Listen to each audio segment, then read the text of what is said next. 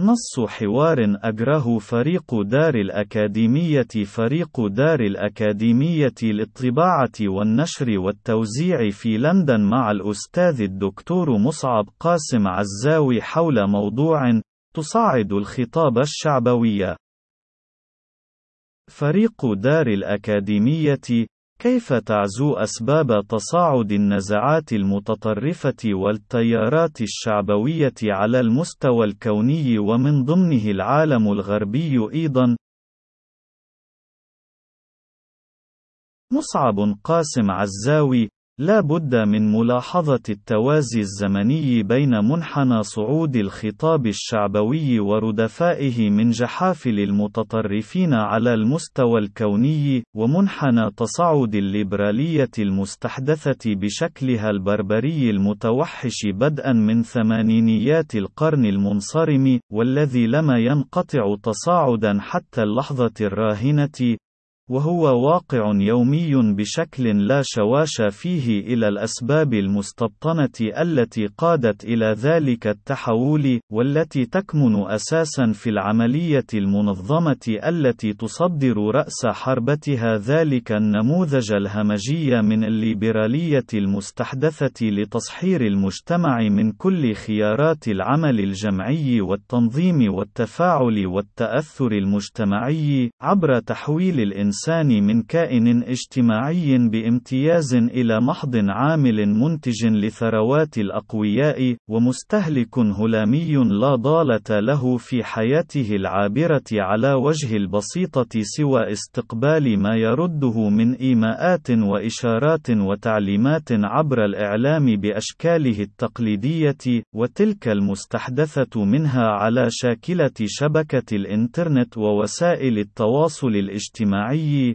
وهو التحول المجتمعي البائس الذي تم توطيده ومأسسته في عموم أرجاء المعمورة من خلال العمل المنظم من قبل الفئات المهيمنة على مصادر الثروة والسلطة والإعلام على المستوى الكوني لقوننة ذلك التصحر الاجتماعي في عدة منعطفات قد يكون أكثرها بروزا تراجيديا تهشيم النقابات في العالم الغربي في حقبة صعود الليبرالية المستحدثة المشار إليها آنفًا، والتي أفضت إلى حال من التنكس الاجتماعي وخبو عميق في حركية المجتمعات المدنية ومؤسساتها في ذلك الجزء من العالم، وهو ما أفسح المجال لذلك النمط البربري من الليبرالية المستحدثة واستطالاتها الوحشية مفهوميًا وإقتصاديًا وسياسيًا وحتى عسكريا لتصدر المشهد على المستوى الكوني بعد أن أفرغت الساحة من كل إمكانيات مقاومة مفاعيلها المهولة في بؤسها، خاصة بعد أفول قدرات المجتمعات في الدفاع عن نفسها عبر تنظيم عديد المتشاركين في فضاءاتها الجغرافية عبر أدواتها التاريخية ممثلة في النقابات وتنظيمات المجتمع المدني الأخرى.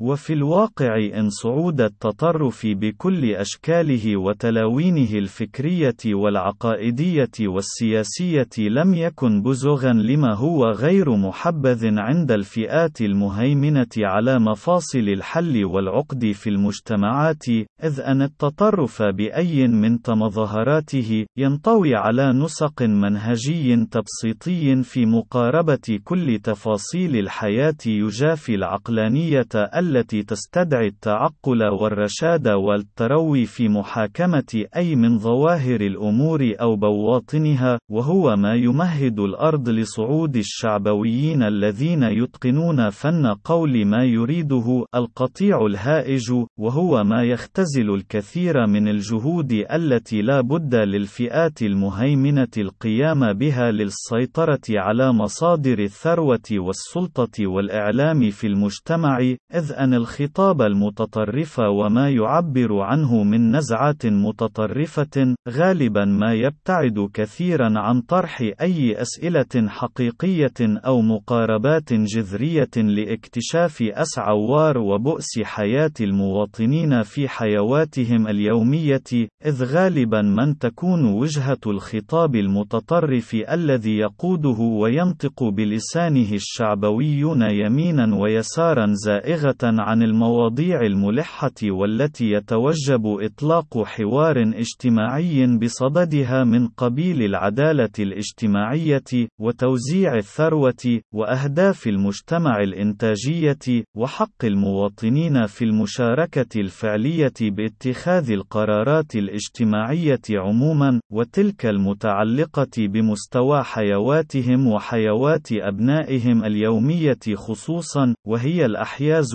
التي يتم التعامي عنها في فضاء التطرف الفكري وتمظهراته الشعبوية لصالح إشغال المواطنين بالحوار والاختلاف والجدال والسجال الذي قد يصل إلى درجة الاعتراك المباشر حول مواضيع هامشية ليس لها أي علاقة مباشرة بمستوى معاناة وضيق آفاق الحياة اليومية للمواطنين البسطاء، من قبيل حق المرأة الحامل في الإجهاض بغض النظر عن وجود أو عدم وجود أسباب طبية تبرر ذلك، أو حقوق المثليين الجنسيين، أو حق المريض في اتخاذ القرار بإنهاء حياته بنفسه، أو إغلاق أو عدم إغلاق المنافذ الحدودية بوجه المهاجرين الذين هم في الواقع لا يشكلون إلا أعدادا مجهرية بالنسبة لعدد السكان. لجل المجتمعات التي يفدون إليها، وغير ذلك من المواضيع التي تحتمل النظر، والحق والباطل فيها نسبي فلسفي في كثير من الأحيان، والأهم من ذلك عدم اقترابها بأي شكل فعلي من حق المواطنين المظلومين المفقرين بحصة عادلة من الثروة، وقسط منصف من إمكانيات المشاركة في إدارة المجتمع بشكل يمكن أن يفضي عمليا وواقعيا إلى تحسين مستوى معاشها اليومي وآفاق حيواتها المستقبلية، وهو ما يعني في الواقع العياني المشخص وأد كل إمكانيات تبئير بوصلة وتوجه أولئك الأفراد باتجاه تكشف جوهر معاناتهم وقهرهم وضعفهم، ويبقيهم أسرى تضييع طاقاتهم وقدراتهم العقلية في حلبات اعتراك جانبية تشيح بصرهم وبصيرتهم عن كل ما هو جوهري، وتفسح المجال على أعنته للأقوياء الأثرياء لاستدامة هيمنتهم على مفاصل الثروة والسلطة والإعلام والحل والعقد في المجتمعات التي يتغولون عليها.